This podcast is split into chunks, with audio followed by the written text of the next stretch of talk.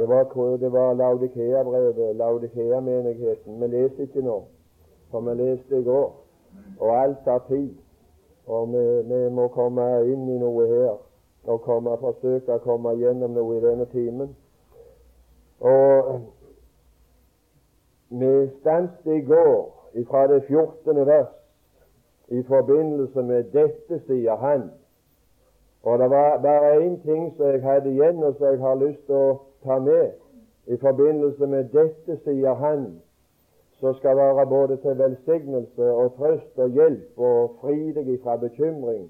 Når han sier dette, sier han, 'Jeg vil utspy deg av min munn', så er det mange som frykter om han vil utspy meg òg. For jeg er så lunka. Jeg kjenner meg så lunken. Jeg kjenner meg så lite brennende. Og ikke er kald heller. Men ikke jeg brennende. Jeg er så lunka. Mon jeg er en av de som skal utspy? Jeg kan få lov å fortelle deg om, ut ifra disse versene, at han kommer aldri til å utspy noe av sine egne. Det skal jeg fortelle deg om. Det har ikke noe med temperaturen blant hans egne å gjøre, dette her. Nei, det har noe med temperaturen i forsamlingen å gjøre. For dette, disse versene de er blitt vrang. De, de har gitt en vrang forestilling i mennesker, for de er blitt fortolka bortfortolka fra menigheten og til det enkelte mennesket. Og så det, har det skapt vrangforestillinger. For det er den menighetsform, det er den møteformen som er lunken, som vekker kvalme fornemmelser. Å, han skal ikke utspy noen av sine egne, og han skal ikke utspy sin egen menighet. Jeg vil få lov å peke på at hans egne det var de som fant den kostelige perlen i Filadelfia. Broderkjærligheten. Broderkjærlighet, hva er det som knytter den? Jo, Aurebekk har talt om det, så jeg bare frisker det opp i din tanke at vi er knytta til Jesus ved brorskap. Her har du brorskap. Broderkjærlighet. Gå og si til mine brødre, hans egne, og de skal han ta bort ifra denne verden før trengselen kommer. For de er hans egne. Ikke spørsmål om, om temperatur der. Det er ikke det det er spørsmål om. Hvor mange grader du har. Det er bare spørsmål om du er en bror av Jesus. Så blir du han eh, Han tar sin due bort. Sine egne tar han hjem ved bortrykkelse før enn det er noen som skal spyes ut. Og før noen skal spyes ut, så skal denne tilstanden være lenge etter, etter bortrykkelsen, som vi omtaler her, omtales i Laudikea. Den vil vedvare inntil Jesus synlige kommer. Og da skal det være tydelig og klart at de har blitt helt avslørt og åpenbart. Det var ufrelste mennesker som han spyr ut. Skal ikke være tvil. Vi skal ikke spekulere på om de, om de hører Herren til alene. De er sikre på det. De skal være sikre på det når han spyr dem ut. For først Jeg skal bare minne om 2. Tessalonikerbrev, det andre kapittel og det tredje vers. Først før han skal spy dem ut, først må frafallet komme. Først må syndens menneske åpenbares, før det skjer at Gud spyr noen ut.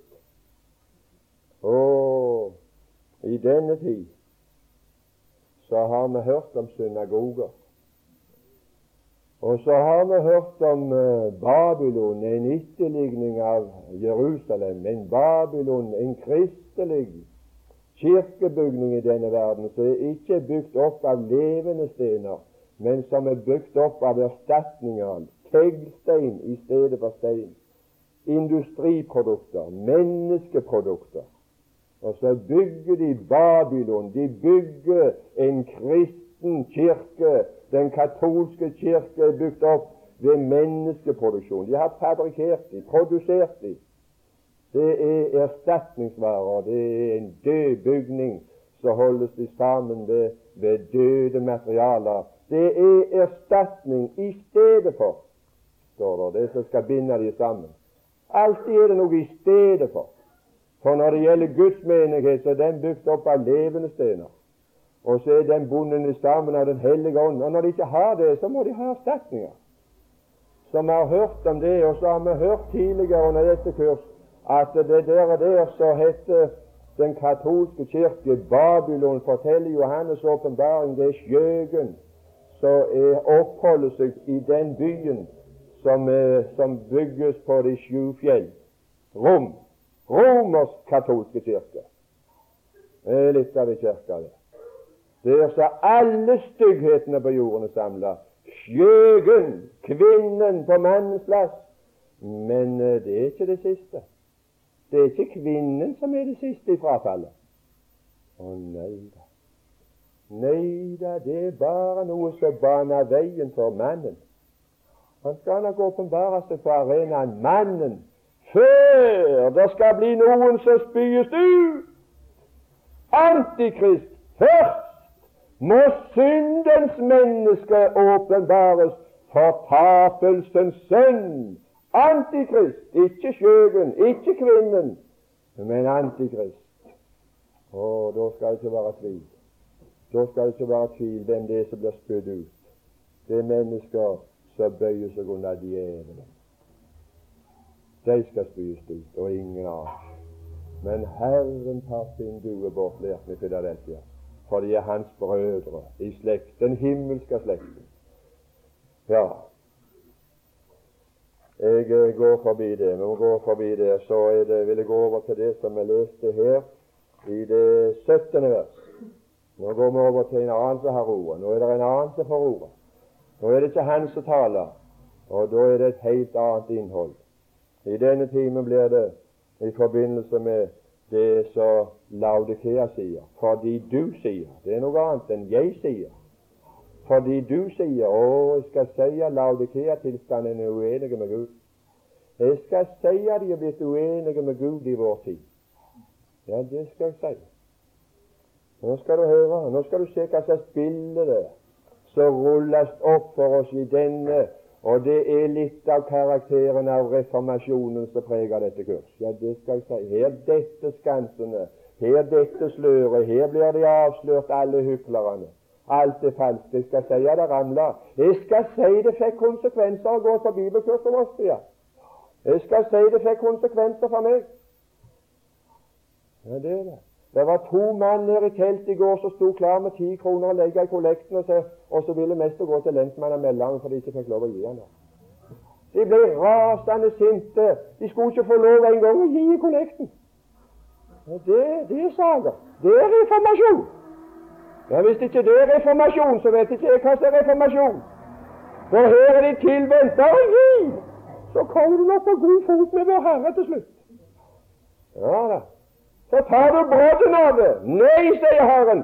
Først de ga seg selv først til Herren. Han vil ingenting ha. Ikke så godt som ei skoreim. En mur som skiller frelst og ufrelst. Å nei, de er ikke så Når det kommer til pengene, da de vil ha det, sier de. Langt ifra. Ikke et rødt øre av en ufrelst. Fremmede har fortært Efraims kraft uten han visste av det. Han blanda seg med fremmede. Det kom fremmede penger inn i kollekten.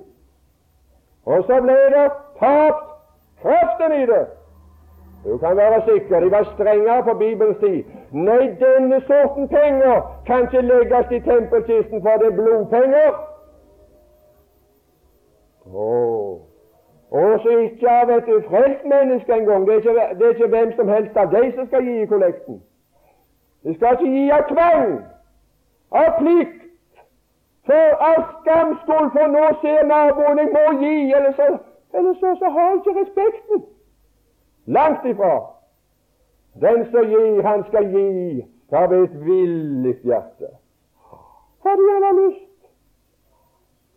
Ikke av tvang. Ikke av et uvillig hjerte. Hold det vekke! Det taper kraften. Det forfører kraften i det. Å, jeg skal si, her ramler det. Her ramler det. Det er Herrens tale som kom i konflikt med det som vi sier. Du sier Hva er det de sier nå? Ja, ja, jeg skal ikke gå i detaljer. Jeg skal holde meg til det som her står. Å, vi har ei gru med gudfryktighet skinner for en glans der er. Hvis du, hvis du gikk og ga 5000 kroner, så fikk du sikkert altså utskrevet garantiseddel for at du vil få en av de fremste plassene i himlenes rike. Sånn som de gjorde i katolikkene. Ja, bare, bare, bare få gi noe så at det, det, det, det ruver. På et møte hvor de hadde telt opp kollekten, så, så hengte de opp Se den! En 500 kroner seddel. Vet du hva evangeliet Det var noe som de forkynte for fattige. Hvor blir de fattige blant oss? Hvor blir deres frimodighet i en sånn forsamling hvor de henger opp en 500 kroner seddel? Hvor deres frimodighet blir? Evangeliet skulle forkynnes for fattige, og ikke for rikfolk. Og jeg sier, du sier, en konflikt. Jeg hører konflikt. Og det har konsekvenser å tro på Bibelen. Det har konsekvenser å si at Jesus Kristus er Herre. Hva vil du at jeg skal gjøre? Da kommer jeg i konflikt. Det er et konfliktliv. Det er et liv som kan føre deg i fengsel. Det er et liv som kan føre deg i konflikt med dine nærmeste slektninger og venner. Det er konfliktliv i lydighet imot Herren. For Herrens tale i vår tid, mer enn noen gang, er konflikt med det som mennesker sier. Du sier hva? Ja, nå skal du se. Nå skal vi se. Men fant ut hva Laudikea var. Du var lunken. Det var ikke kaldt. I Sardes var det kaldt. Det er ingenting som er kaldere enn døden. Og i stedet hadde de navn av å leve var død. Men her er det verre enn så. Det er mye verre enn så. Hadde de ennå vært bare navn kristne og vært død. Men her er det en mellomtilstand. Halvmennesker, halvkristne og halvverslige. Det er en produksjon som det har lykkes lykkes for djevelen i den siste tid å lage en konstruksjon av en bekjennende kristenmasse som ikke verken er fugl eller fisk. Han har brutt Guds prinsipper. Han har gjort brudd på livslover, naturlover, som heter 'la treet bære ondt og frukten ond', og 'la treet bære godt og frukten god'. Så har vi kryssa et godt tre og et dårlig tre. Hva er resultatet? En frukt som ligner verken fugl eller fisk. En lunka. Mennesker, en forsamlingsform, en kristen form, som har tatt imot Guds nåde til trøst. Ja, for de kan ikke bli lunka når de var kalde uten å ta imot varme. De har tatt imot en del av evangeliet. De har tatt imot en del av ordet om korset. Det som blir de til trøst og velsignelse. Men det er noe ganske annet å innta den plass som korset plasserer oss. Ja.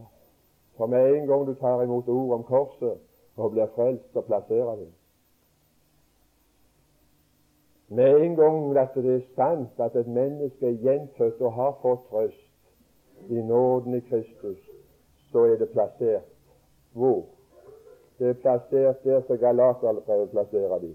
Det er ikke bare Kristus som det er død, men jeg er død med Kristus. Og jeg har, ikke skal, men har korsfestet kjødet med dets begjæringer og lyster jeg har ved Kristi kors korsfestet verden. Ved Kristi kors er verden korsfestet for meg. Og jeg er korsfestet for verden. Det har plassert meg. Det har plassert meg. Har det plassert deg? Hvilken plass inntar du? Der blir det ikke grunn til ros. Der er vår ros utelukket. Ja, ja. Det er noe forunderlige greier, har jeg sagt. Og det er noe forunderlige greier, vil jeg igjen si. At her går an å komme sammen og synes det er storartet, gildt og godt. Og ha nåden i Kristus og nyte den. Det er ufattelig at slike ting skal kunne komme ut. At vi kan være fornøyde når vi ikke er i besittelse av kraft til dine sjeler. En tilfredsstillelse mens folk går til helvete. Ja, det var litt av, det var litt av en mottagelse av korset. At korset skulle lage en slik tilfredsstillelse at jeg er tilfreds og gir meg en god dag i mine medmennesker. Og det skulle være en mottagelse av korset. Det er en mottagelse av nåde som gjorde meg lunka. Det er en krysning. Det gjorde meg til et halvmenneske som har vært en fugl eller fisk. For ikke er de døde med Kristus, og ikke er de levende. De er sånne halvmennesker. Ikke er de verdslige, og ikke er de kristelige. Ingen del. Er det sånne midt imellom? Nå skal du se hvordan det er. Deres vitnesbyrd er. Og jeg henger bare bildet opp. Og så får du se på bildet hvem det passer på, og hvor det passer. Og så er det reformasjon med en gang. Du sier 'Jeg er rik'. Hvor bestod den rikdommen? Ja, hvor må den rikdommen bestå? Når du sier i Laudikea at de sier de er rik, det var en jordisk rikdom. Og det, det var en overflod som tilhørte dette liv. Ivar Velle skriver i kirkehistorie en liten om det, og har skrevet et lite stykke om det som er vidunderlig godt å lese. Han har gitt det overskriften 'Kirkens gull'. Så forteller han om i forfølgelsestiden at de troende var samla i en kirkebygning og var samla der og lå i bønn til Gud. Og så kom røverne, så kom forfølgerne og brekte seg inn. Og så, og så snakket de med lederne og så sa vi skal ha gullet. Kom med gullet. Kom med pengene. Og så sa han, og så pekte han utover en forsamling som lå på kne og ba til Gud. Her er kirkens gull. Her er kirkens gull. Du sier 'jeg er rik', og så er folk ufrelste. Hva er det du tenker på når du tenker på rikdom? Penger, store kollekter, masse folk, store bygninger, fine bedehus, store kirker. Jeg er rik. Hva på? Jordisk rikdom. Det er ikke gangbare mynt. Det er mynt som ikke gjelder. Her gjelder bare en nyskapning. Det går ut. Akkurat som pengene etter saneringen. Gamle penger før saneringen. De hadde en viss verdi før. Men det er ikke gangbart. Har ingen verdi. For nå gjelder bare en nyskapning. Har du det? Nei, han sto utenfor, som jeg pekte på. Men du sier 'Jeg er rik'. Ja, ja, at grisene tilfredsstiller seg på måttinga, det er bare rimelig å forstå. Men når mennesker tilfredsstilles der, da, da, da er det grenseløst.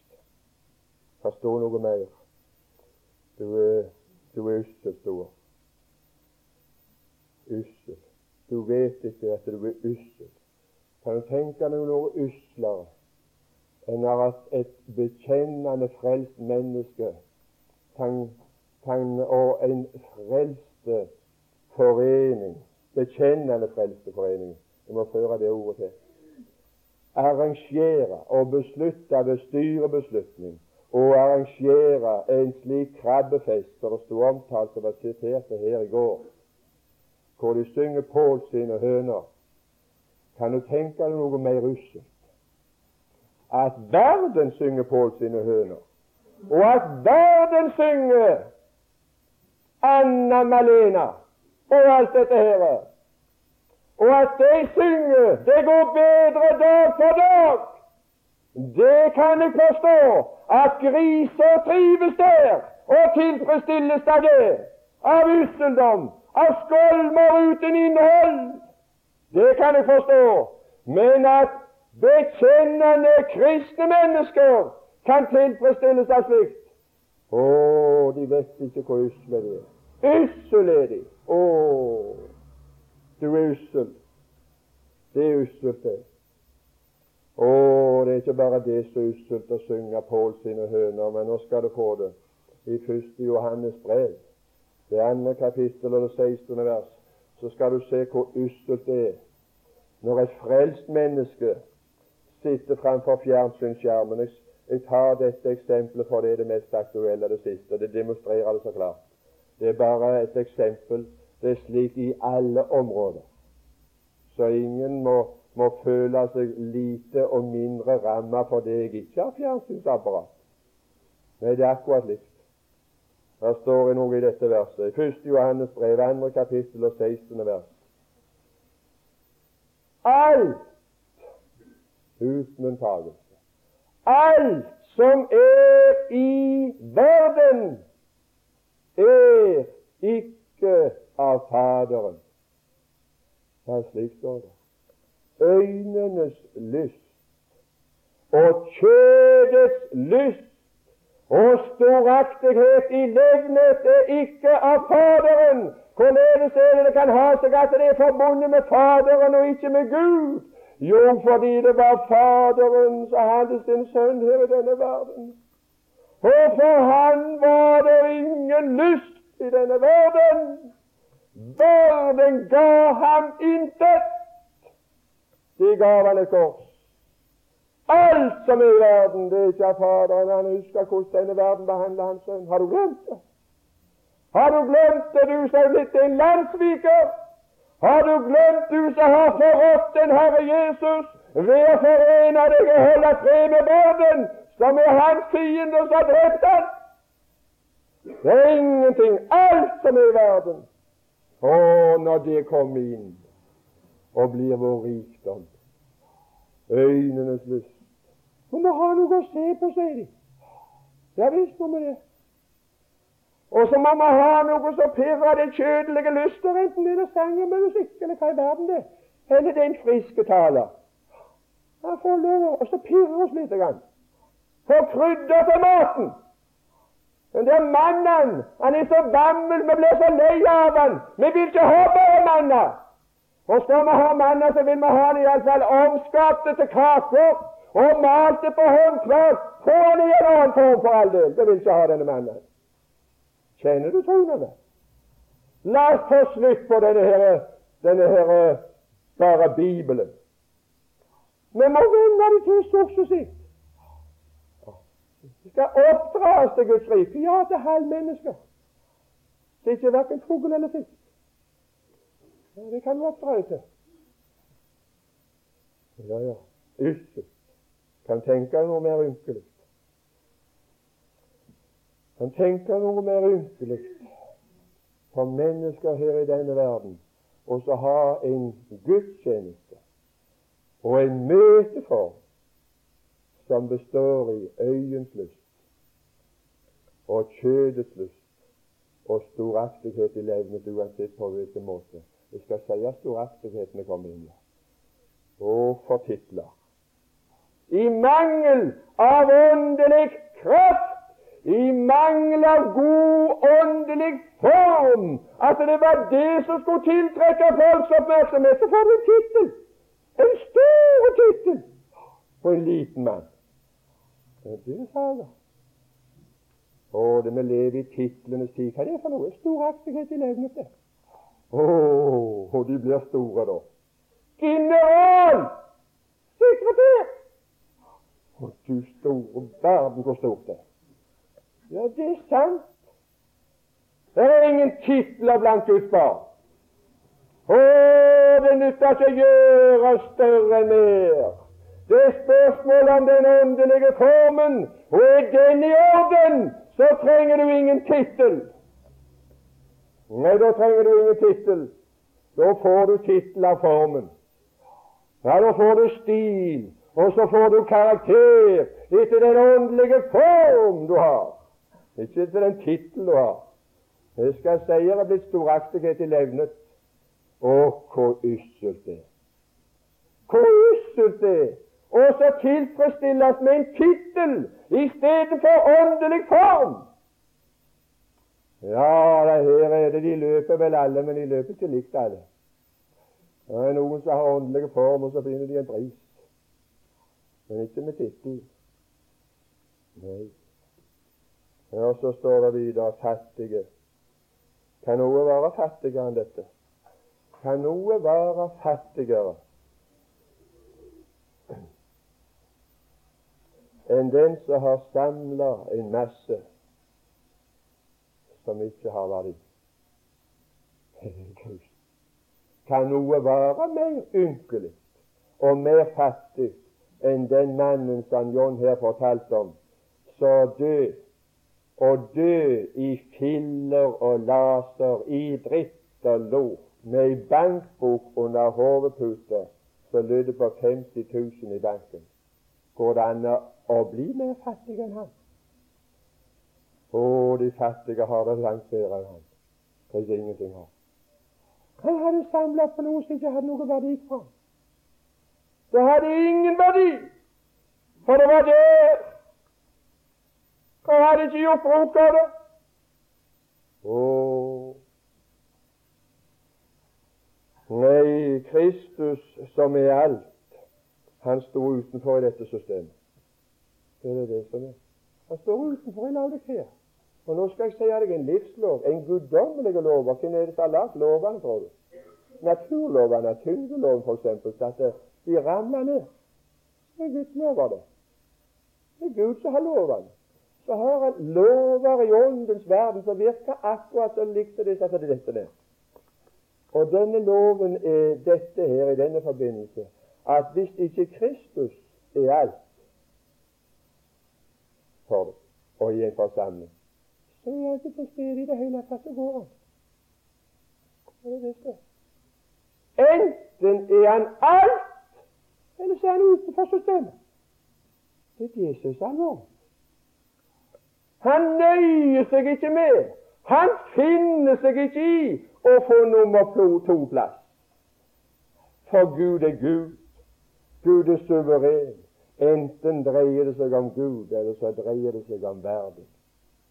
Og er noe fattigere enn når de tror det dreier seg om Gud, og så dreier det seg om verden.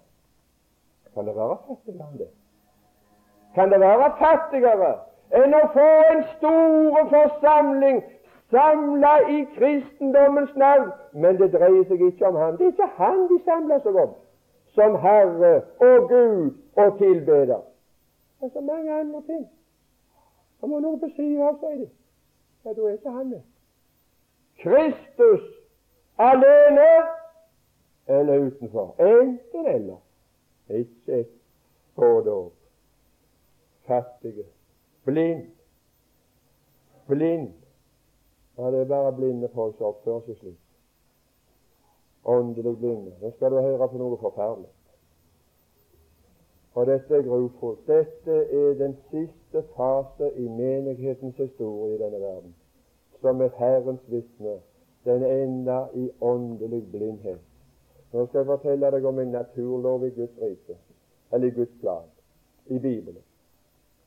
Fra begynnelsen av. Hvorledes det har gått. Så skal du se det. Den, eh, den siste prest i Israel Eli, han døde blind. Presten som skulle være Guds munn for folk, og Guds øyne for folk, han døde blind. Du leser om det i første Samuels bok, det fjerde kapittel og 15. vers. Jeg bare gir deg opp verset for at jeg ikke bare skal påstå en ting, men stadfeste det hvor det står. Den siste prest ikke den siste prest, i den betydning at det ikke kom flere prester.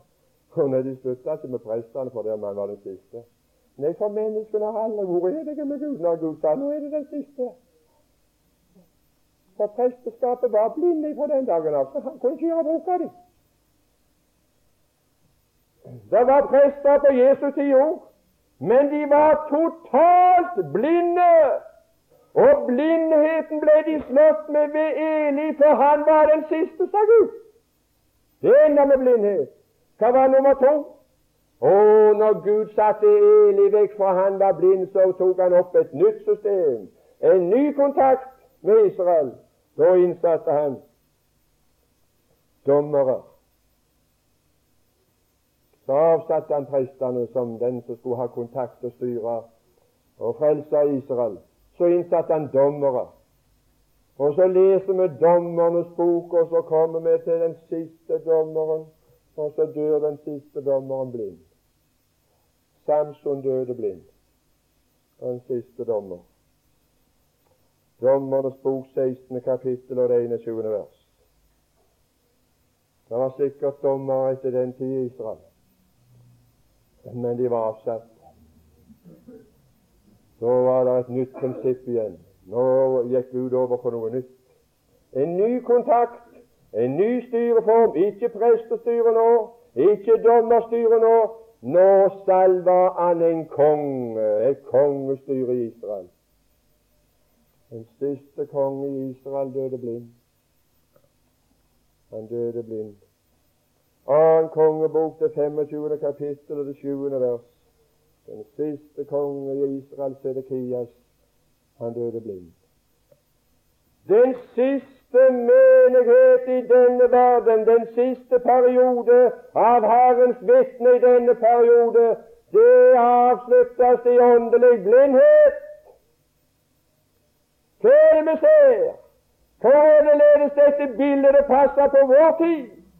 Er det åndelig blindhet? Er det det han John Aurebekk har avslørt for oss i dag?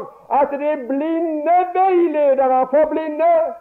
Og de havner begge i grøften.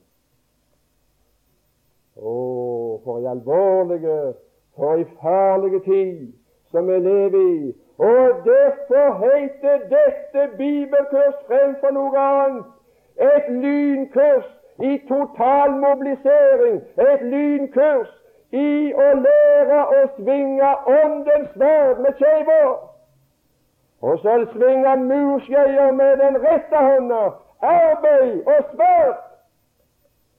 For her er total mobilisering. Og hvis ikke her blir reist ei Herrens hær som går til total mobilisering imot forfallet, så blir alt til grunnes. Er noen, er noen som melder seg frivillig til denne krig. Er noen som vil melde seg på å løpe således at du vil undertvinge ditt legeme og holde det i trelldom, i motsetning at legemet skal holde din ånd i trelldom? Det er det forskjell på. Ja, det er det forskjell på. Å, det er en lov i åndens verden det er en lov i Bibelen som heter, og som kanskje, hvis vi lever, kommer til å bli emne for et bibelkurs. Og det at den eldste skal tjene den yngste. Det er en åndens lov. Å, hva er det som er eldst i mennesket? Det åndelige er ikke det første, men det naturlige. Det kjødelige, det er den eldste i mitt liv. Den åndelige, han er av en yngre dato. Men kjødet, det gamle jeg, blir ikke tatt bort. Det blir ikke drept, og langt ifra. Det blir ikke rensa ut verken ved åndsdåp eller vanndåp eller ved noen som helst slags prosess, og langt ifra den skal nok ikke ut. Gud gav Kain et merke, slå han ikke i hjel. Hvorfor? For den eldste skal tjene den yngste. Det er åndens lov. Det er Guds lov. Og kjødet i deg skal være med og tjene din ånd.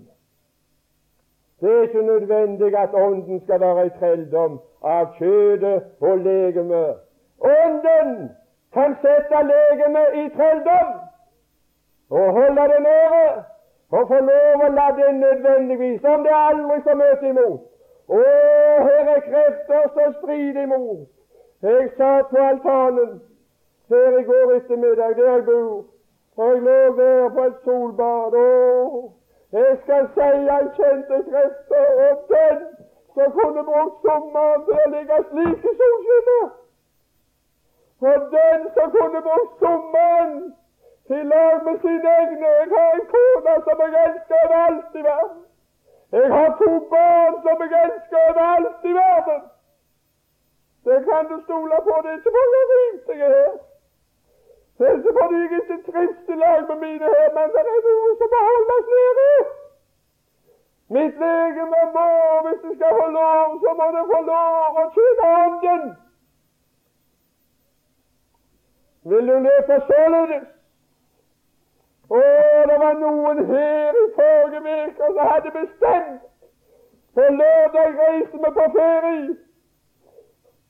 Eller på mandag reiser vi på ferie. Og så ramler Herren med et ord, og så er de her. Jeg skal si det har konsekvenser. Å, når Herren åpenbarer seg som Herre, så spørsmålet hva vil du at jeg skal gjøre for deg? Og da er det godt med denne loven. Den eldste skal tjene den yngste.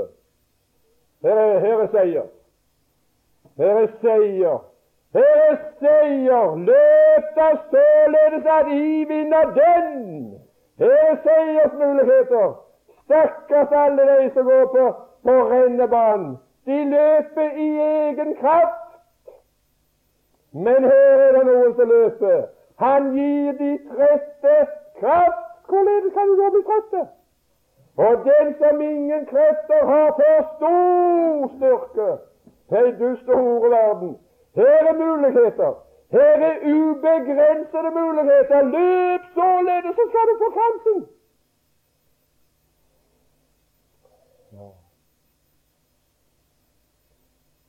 Det er blindhet i vår tid. Ja, ja. Naken. Å, du gruer deg med det. Du er naken og vet ikke om det. Tenk altså at vi Nå skjuler de ikke engang sin nakenhetsskam. Det er ikke bare på det naturlige området at vi begynner å kle oss. Vi kommer nok til å gå, gå helt nakne snart på badestrendene. Det er bare tidsspørsmål. For det, denne siste tid skal avsløres og ende i en tid hvor de ikke skjemmes. De har sin nakenhetsskam. Og det har kommet langt inn. Det har kommet langt inn. Det har nådd langt inn på de områdene, inn i våre forsamlinger og inn i det troende flokk. Og det blir mindre og mindre som skjuler, og det blir en mindre og mindre ærebare kledning.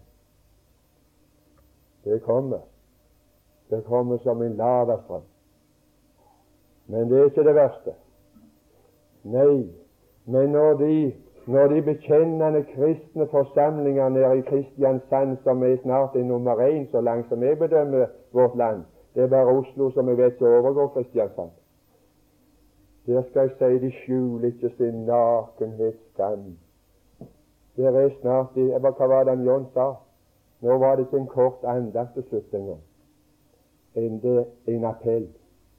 En kristen appell. Kan det bli mer nakent enn det? Og så skjuler de ikke. De averterer det. De er helt kjemisk rene for det som skal kle dem på Gud. De bekjentgjør det sjøl. Så det er, åpenbart. De har sin nakenhetsskam.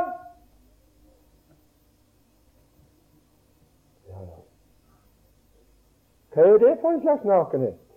Jakob-evangeliet, det andre kapittel og det 26. vers, så skal du få, få det sagt med tydelige, klare bibelske ord. Hvor den nakenheten består, så averterer slike samvær og sammenkomster i kristendommens navn. Skal du se noe som er nakent.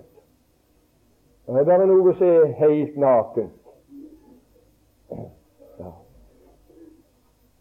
hva, hva er det der står? Troen er død uten gjerninger. Er det noe som er naknere enn døden? Det er totalt nakent. Nøken kom jeg til verden, og nøken går jeg ut ifra denne verden. Og denne tro, de skjemmes ikke. De har sin nakenhet skam. De aborterer det. Her, her er litt av en bar. Her er litt av en bule. Her er streptis. Her skal det få ned se noe som avslører sin blodfarlighet og ikke skjemmes. Å, en tro uten gjerninger. Vi har ingenting. Vi har bare kjødelige lyster. Vi har bare øyens lyst. Vi har bare storaktighet i levnet. Ser du bildet? Ja, ja, det skulle være, det skulle være løye om du er frelst og så ikke kunne kjenne bildet igjen. Ah, jeg var, i sa, jeg var i Lyngdal og fikk se noen bilder for første gang. Så spurte Gustav kjenner du de igjen. Jeg har aldri sett bildene. Ja, de kjenner jeg igjen. De omtaler en periode da, og de omtaler en periode da. Jeg kjente det igjen, for det passet til historien som jeg hadde hørt hjemme i mitt hus av min far. Det var det som var. Det er så vanskelig å se når du blir gjort oppmerksom på det. Ja, ja. Men dette var slik noe som han sa. Dette sier han. Og så kommer det noe i 18. vers. Like så lenge inntil, inntil det skjer i åpenbaringens fjerde kapittel og første vers, så er det håp om forandring for enkeltpersoner, men ikke for det brede lag men for enkeltindivider.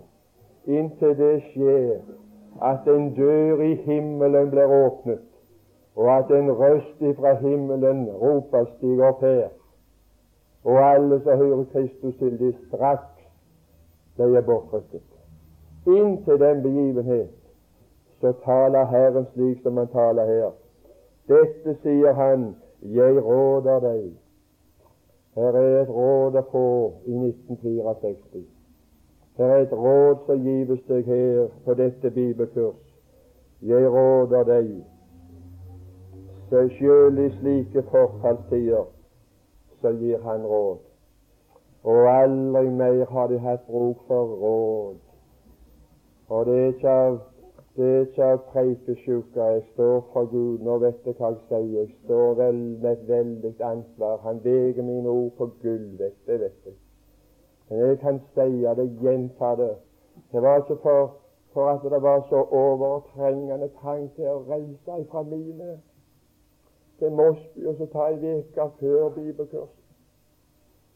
Og så er det bare to-tre dager, og så er det reise videre til Ålesund, så får vi ikke en dag hjemme i hele juli. Det, det, det, det er ikke bare av preikesjuke. Og jeg skal fortelle deg nå hva slags grunnlag det er for at det er mest umulig for meg å si nei. For det er noe har du et råd å gi oss alle. Det kom to gutter til meg også i går kveld. Kan du gi oss noen råd? Det er tid hvor det er fattig for gode, vise, forstandige råd. Og jeg har ikke funnet det mulig å finne den patentoppskriften som katolikkerne fant. Hva var det for noe? Det der hokus pokus filiokus, hvor er det kommet fra? Ja, det er det prestene i katolske kirker som sier det. Og det sier de når de, når de skal holde nadvermøte, for da sier de hokus pokus filiokus. Så blir altså denne oblaten forvandla til Jesu legeme. Og hokus pokus filiokus, så blir den vinen til Jesu blod. Det er ikke gitt noe hokus pokus filiokus som kan gi et råd til et menneske med et ord. Sannheten kan ikke gis et menneske å løse åndelige, menneskelige store problemer med, med en samtale med tomannshånd med et øyeblikk. Jeg har funnet ut det er vanskelig på en time. Jeg tar med frimodighet halvannen time. Jeg tok to og en halv time i en trekk i Vågsbygd. De var ikke ennå fornøyde. De satt som en sverv rundt meg når jeg to og en halv time var gått. Og den ene gutten sa i dag har vi spurt og fått svar som jeg har lyst til å spørre igjen. Å, hvor det er nødvendig at Guds råd kommer ut til de som vil høre. Det er noen som har ører og vil høre. Men hvor er de som er i åndelig form? Det er det få av. De har det alltid vært få av. Og jeg roser meg ikke å ha noen åndelig form. Jeg vil bare gi det jeg har. Jeg vet ikke hva slags stil jeg får. Jeg vet ikke hva slags karakter jeg får. Jeg syns det må bli en svake. Det er ei som kom til kurset her, som er seg til Gud, men ikke ett av Mosby. Jeg har vært på besøk i Mosby mange ganger og har fått oppgitt å bytte Gud meg. Og jeg sa det til, til de som hører og her i går. Jeg tviler på det rett at de kaller meg, for det er ikke en som blir vunnet med meg her. Så det er noe i veien med formen og stilen. Nedslaget er ikke rett. Du kan være sikker. Det her er det ikke noen hormonstanker som stiger opp, og de kommer på høyre. Jeg er glad for de som kan få hjelp. Det er jeg glad for. Men jeg kan aldri bli fornøyd i denne verden er noen av mine ikke frelst. Jeg ikke klart å frelse deg i familien vår, så jeg er glad i, og så jeg ikke kan tenke på skal gå fortapt. Jeg har for dårlig form. Jeg løper ikke således. Det er noe i veien med løpet. Du kan være trygg, min venn. For løp således, så skal du vinne prisen. Og prisen var ei frelst sjel.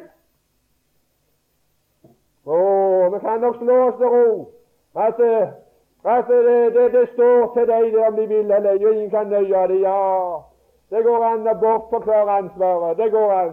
Det går an å stå over i lag med døde, men det går ikke an når du er våken. Så kan du ikke være rolig. Jeg kan ikke trives med et lik når jeg er våken. Da kjenner jeg lik lukt. Men når jeg sover, så kan jeg være der, for da er jeg ubevisst av den der stanken. Og uhyggen. Å, for en uhyggelse det omgir oss her. Det er fint i naturen i dag, men hva taler det om? Det taler om det skal dø. Det er høsten og vinteren som kommer og legger sin døde hånd hvem kan fryde seg i slikt? Hvem kan fryde seg i slikt som er på vei i døden og fortapelsen? Det er noe i veien med løpet.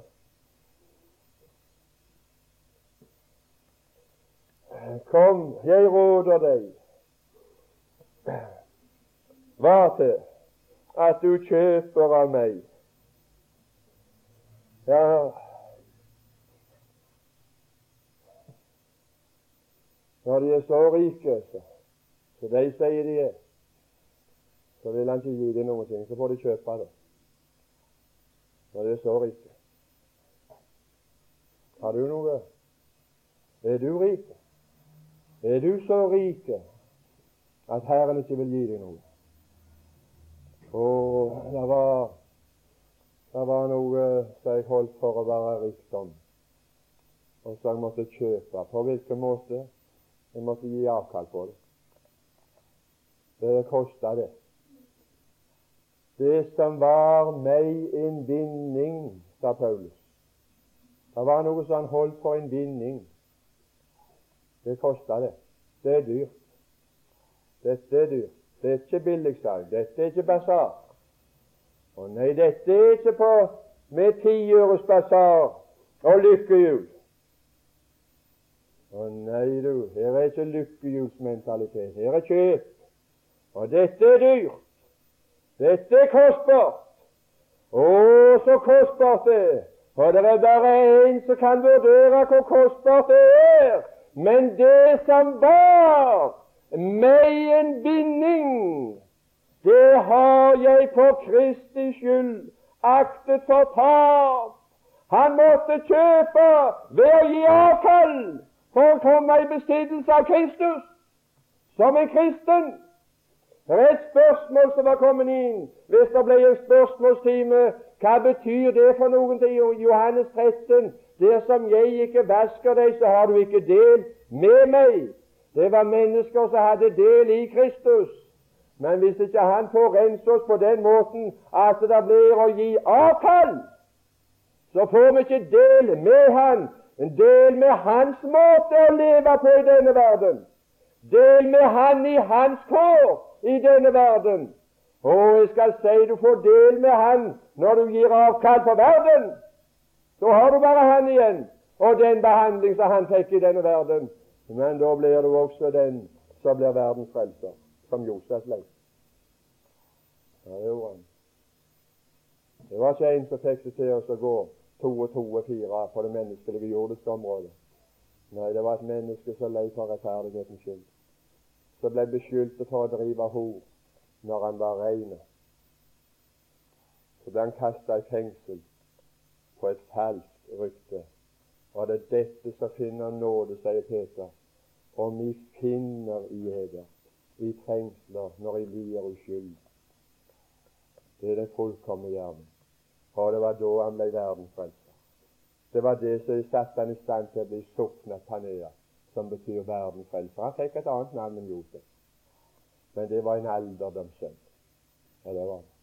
Det var noe som vokste fram. Han vant pris. Han løp således. Kjøp å, her er nok noe som de må kjøpe også i Mosby, i ungdomsforening, med møteprogrammene, ved oppleggene, ved arrangementer, ved turer, ved Viken, ved yngres turer, og ved teltleirer, og ved, ved leirsteder. Det er nok noe som du må kjøpe for å få. Ekte verdier. Du må gi avkall på det som verden har. Det er ikke det som skal tilfredsstille oss. Å, hva er det du holder for å være en binding? Å, det som var en binding. Hva er det som er nå min binding? Å, sa nå akter jeg ikke for tap lenger, for, for nå ser jeg. Hva, hva ser jeg nå? Kunnskapen om Kristus Jesus som vi får her på bibelkurs, den, er, den er, har en større egenvekt så det andre det dette ned i vektskåla. Kunnskapen om Kristus Jesus er meg så meget mer verdt at nå akter jeg det ikke for tap, men for skarn, for båskasse. Så kasserer vi med. Verdiløst. Verdiløst! Alt som er i verden, verdiløst! Det er bare én ting som er verdt noe. Kunnskapen om Kristus Jesus. Å, han er min glede. Han er min sang, han er min lidenskap. Ikke hva har jeg i himmelen, men hvem? Ikke hva har jeg fostra, men hvem har jeg? Oh. Hvis jeg ikke hadde henne når jeg kom hjem, hva tror du altså at jeg hadde vært tilfredsstilt med huset? Og klærne? Og gjerningene hans som har gjort? Og var langt ifra. Det er hvem jeg har! Det er en person på åkra som jeg elsker. Det er henne som er min glede. Og det er så lenge så hun er min at livet er noe for meg i denne verden. Ah, det er når Han er min. Han er min, ikke himmelen. Ikke noe som jeg ikke vet om. Nei, men Han har jeg i himmelen. Og da har jeg ikke lyst noe til noe på jorden. Men det ser du, det går av seg sjøl, det. Ja, ja gull, glødet i ild. Ja, det har, kan jeg ikke komme inn på. Det skulle vi vært inn på. Jeg eh, må øyeblikk slutte. Jeg skal, nå må jeg gå over til slik som de har det i krigen, for da har de ikke tid. Da har de ikke tid til å holde lange tårer. Da har de ikke tid til å holde utredninger. Da får de gå over til telegramstid. Nå sender vi meldinger, for nå er det tid. Nå, nå er det tid. Det er så lite tid igjen. Nå hadde vi visst å vinne sjeler for Gud at du må få de meldingene som er for å orientere deg. Hvorledes det ligger an med fienden. Og nå skal du få det i telegramstil, i meldingsform. Og kan du kunne du stenografere nå, så skulle du stenografere. Da kan du skrive fort, så skriver du fort. Og så skal jeg slutte å preike, og så skal jeg lete meldinger. Kom og kjøp gull, leste vi. Står videre. Kom og kjøp hvite klær, for at du kan kle deg med den. Her var demonstrert noe som jeg aldri har sett på et møte før. Solens gjenskinn der. Hvithet, det er en refleks. Det der var en refleks. Det var en refleks fordi at speilet sto i et rett forhold til solen. Det er det som er spørsmålet. Så skal du nok få hvite klær. Et rett forhold til Kristus, en rett innstilling til Kristus, så blir det refleks. Så får du hvite klær. Men hvis Kristus er utenfor, så er alt i mørket. Det ble mørkt med en gang han tok det vekk. Med en gang Bibelen kommer vekk, med en gang Guds ord kommer vekk, så er det totalt mørkt nå. Samme hva de har. Kolmørkt. Hvite klær er en refleks. Tredje Mosebok. Denne må ikke være slik at det er ved tilfelle at den står er tredje foran fjerde. Han må være foran fjerde. For tredje Mosebok må foregå før det blir fjerde Mosebok i et menneskeliv. Og så vet jeg ikke engang hva det står i tredje og fjerde Mosebok. Jeg var på et møte i Oslo og ble helt så aldeles sjokkert. Jeg ble så sjokkert at jeg holdt på å svime av på møtet. Det var sant, det. For det var eh, eh, Jeg skal være forsiktig. Men jeg skal bare referere at det var en som skulle holde et foredrag om Bibelen en dag, og ga seg ut for å være en autoritet på området og lukke Bibelen opp for andre folk. Og så sa han at Bibelen den kan ikke folk lese som en annen bok. Det går ikke an å lese den sammenhengen for det er en uforståelig bok. Så du må, få, du må få hjelp til å lese den. Ja, sann, det går an å lese første Mosebok. Du kommer nok på en vis gjennom den, for den, den er på en vis forståelig. Og det går nokså bra på annen Mosebok òg. Men når du kommer til tredje, nei, da er det svarte natta, sa han. Da, da, da, da sviver det. Og fjerde vil ikke snakke om, sa han. Nei, det er det ikke et menneske på denne jord som kan forstå. Nei, det store strekk i denne verden. tredje og fjerde Mosebok, som er grunnsannhetene til å kunne løse tredje Mosebok forteller oss om det som foregikk i helligdommen, om ofringene og tjenesten der. Tredje Mosebok svarer at det som foregår der, og før jeg har rede for hva som har vært der og foregår der, og før jeg har vært i Efeserbrevets første tre kapitler, så har jeg satt meg i himmelen med Kristus, så kan jeg ikke vandre etter min høye stilling. Vandringen kommer i Fjerde Mosebok. Den kommer som en følge av det som en er fra Tredje Mosebok, på grunn av ofringen og på grunn av den ypperste prestelige tjeneste. Å, jeg har ikke det der. Det var stille, bilde. Jeg har så stor en prest. Og på grunn av det der så er det et spørsmål om å være en refleks av det en refleks.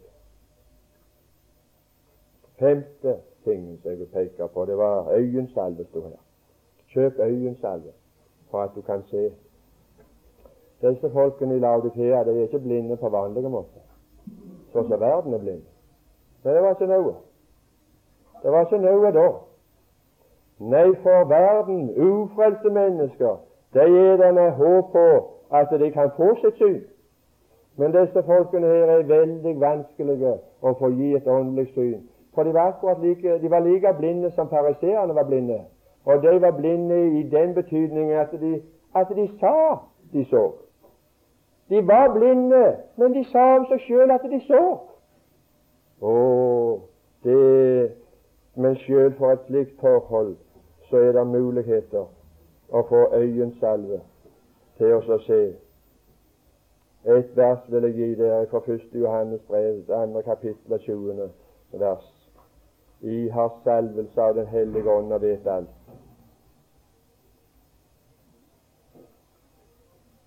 Ja, og så er det han som står for døren, og så vil inn.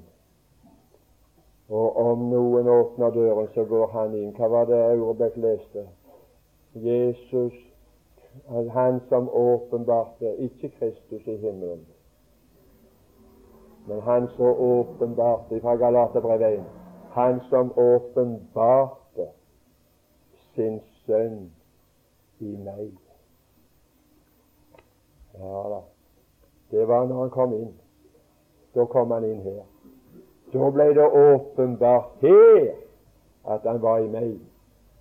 Og det er bare så langt som han preger mitt liv, at jeg har noe her i denne verden å gjøre for Herren.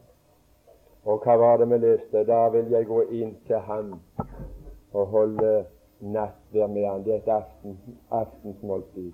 Det er det absolutt siste tilbud til denne verden. Det er kveldsmåltid før det blir natt for godt.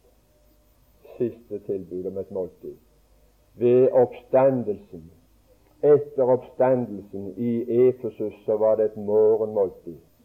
Det står i Johannes' åpenbarings 21. kapittel når Jesus åpenbarte seg for disiplene etter oppstandelsen, så sa han, Kom og et. Jeg har tilberedt et måltid for dere. Og det var morgen. Ja. Det var morgen i denne verden for det i nådens dag. Og nå er det blitt kveld. Dette er kveldsmåltid. Det er siste sjanse. Det er så vemodig fordi det er siste sjanse om noen som ville gå inn og holde kveldsmåltid. Og skulle, skulle vi få lov å se at noen fikk oppleve å holde kveldsmåltid med Herren før det ble natt i denne verden med den store trengsel. Fader i Kristus. Å, å for en lykke å få være blant deg som du priser salige. Ikke bare som salige fordi vi har fått syndenes forlatelse, men det sier du, salige den mann og den kvinne som du ikke tilregner misgjerning. Men salige den, sier du, som du utvelger til å komme ned og la bo i ditt hus, og som du metter med de gode ting ifra ditt bord. Herre Jesus, la det bli reflekser, la det bli konsekvenser, la det bli virkninger, la det bli forandringer ved det ord som vi har fått hørt. Kunnskapen om Jesu Kristi herlighet må stråle ut ifra oss til mennesker som lever i natten, i mørket. Velsign sannhetene. La det få lov å være virksomme for oss, Herre. Amen.